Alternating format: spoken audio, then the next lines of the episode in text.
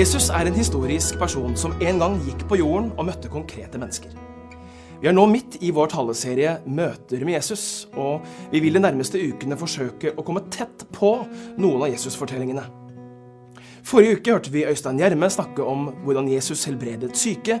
I dag skal vi se på fortellingen om da Jesus renset tempelet i Jerusalem, og med det sto opp for rettferdighet og tok oppgjør med makten. Vi leser fra Johannes evangelium kapittel 2, vers 13-16 i Jesu navn. Det var nå like før jødenes påskefest, og Jesus dro opp til Jerusalem. På tempelplassen fant han dem som solgte okser, sauer og duer, og pengevekslerne som satt der. Da laget han seg en svepe av tau og drev dem alle ut av helligdommen, og sauene og oksene deres med dem. Han strødde pengevekslernes mynter utover og veltet bordene deres, og til dem som solgte duer, sa han, Få dette bort! Gjør ikke min fars hus til en markedsplass. Bibelfortellingen om en rasende Jesus som renser tempelet, det bryter med bildet mange av oss har, av Jesus som sjenerøs, tålmodig og mild.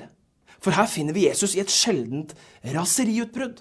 Han laget seg en svepe av tau og nå brukte han den svepen til å jage vekk pengevekslere og duhandlere. Dette er Jesus med høyt adrenalinnivå og utestemme. Men la oss først se litt på bakgrunnen for det som skjedde. For jøder fra hele verden kom til Jerusalem for å ofre og tilbe i tempelet der. De kom fra hele det romerske riket, og pga. den lange reiseveien for mange så oppsto behovet for å kjøpe offerdyr i Jerusalem. Og fordi de tilreisende kom fra alle kanter, ja, så hadde de med seg all verdens valuta. Men tempelskatten kunne ikke betales med romerske eller greske mynter, ettersom disse hadde hedenske motiver. Derfor så oppsto det et behov for pengevekslere som kunne veksle myntene inn i rett valuta, så tempelskatten kunne betales. Så så langt praktiske løsninger på praktiske utfordringer.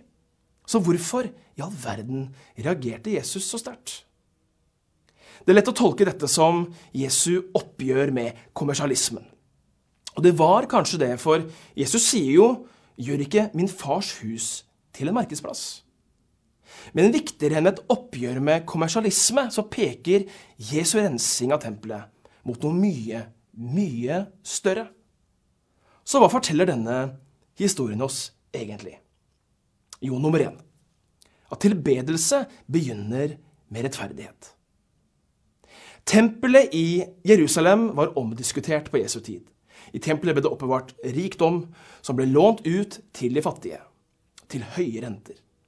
Og Mange følte at tempelet hadde blitt en urettferdig institusjon som holdt folk nede i fattigdom.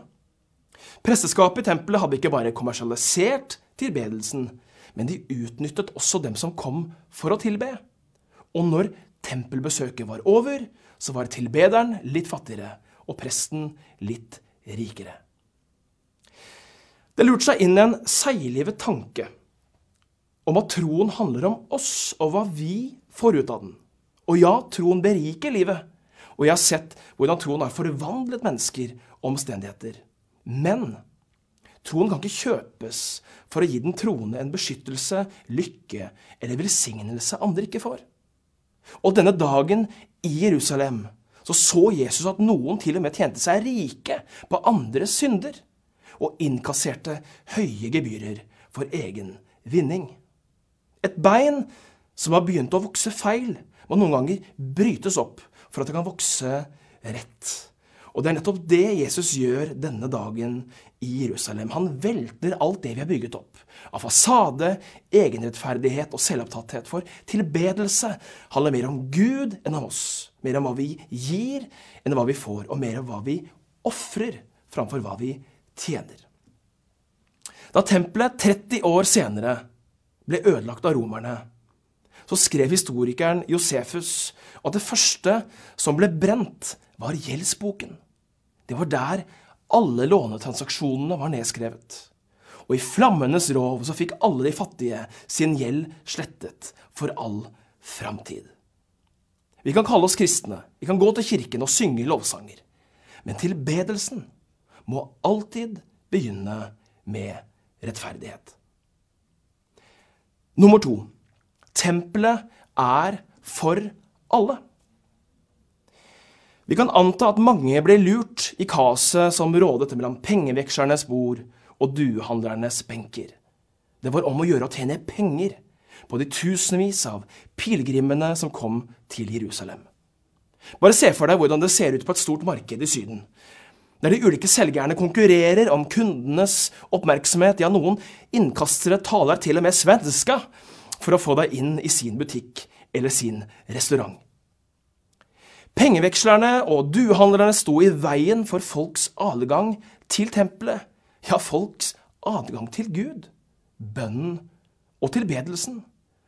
Og det både i konkret og overført betydning. Det området Jesus kom inn i, kalles den ytre forgården. Dette var det eneste stedet hedningene, altså ikke-jøder, kunne bevege seg. På den måten var tempelsystemet segregerende, for det var kun visse mennesker som kunne bevege seg lenger inn. I Markus evangelium 11 siterer Jesus profeten Jesaja og sier, står det ikke skrevet, mitt hus skal kalles et bønnens hus for alle folk. Men dere har gjort det til en røverhule. Nå hadde bønnen og tilbedelsen blitt pervertert, og enkelte mennesker stengt ute. Mens alle mennesker stiller på lik linje overfor Gud, så bidro tempelsystemet til å rangere folk etter rase, klasse og cash. Og det gjorde Jesus rasende. Jeg tror ikke Jesus var sint på samme måte som vi kan bli om noen sniker i køen eller provoserer oss i trafikken. Jeg tror Jesus ble sint uten synd. Kanskje vi kan kalle det for hellig vrede. Et sinne som kommer når Guds rettferdighet møter menneskelig urettferdighet, og når Guds storhet møter menneskelig smålighet. Og heldigvis er ikke vår Gud en Gud som står og ser på urettferdigheten, men han sveiper svepen og tar et oppgjør med urettferdigheten der og da.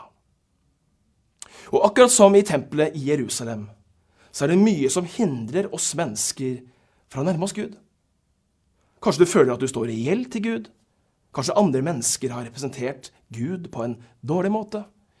Kanskje noen har tatt seg betalt ved å legge egen prestasjon og høye krav til troen. Jeg har snakket med mange som har hatt noe å utsette på kirken og til og med kristne, men jeg har aldri møtt noen som har hatt noe å utsette på Jesus. Hvis du er trøtt av religion og prestasjon, så vil jeg si at Jesus han renser tempelet for folk som deg.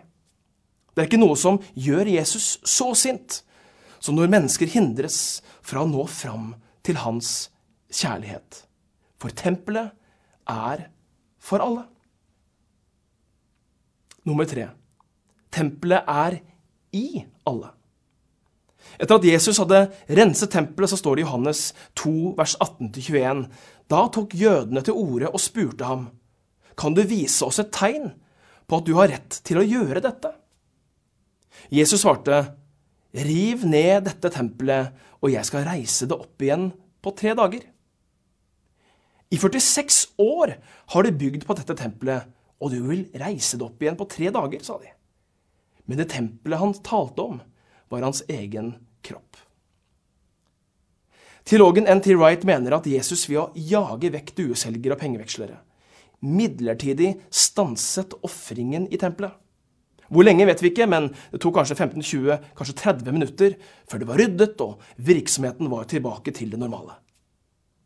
Men disse minuttene symboliserte noe større. Nemlig den dagen da det gamle tempelets dager var talte, og det ville bli erstattet av et nytt tempel.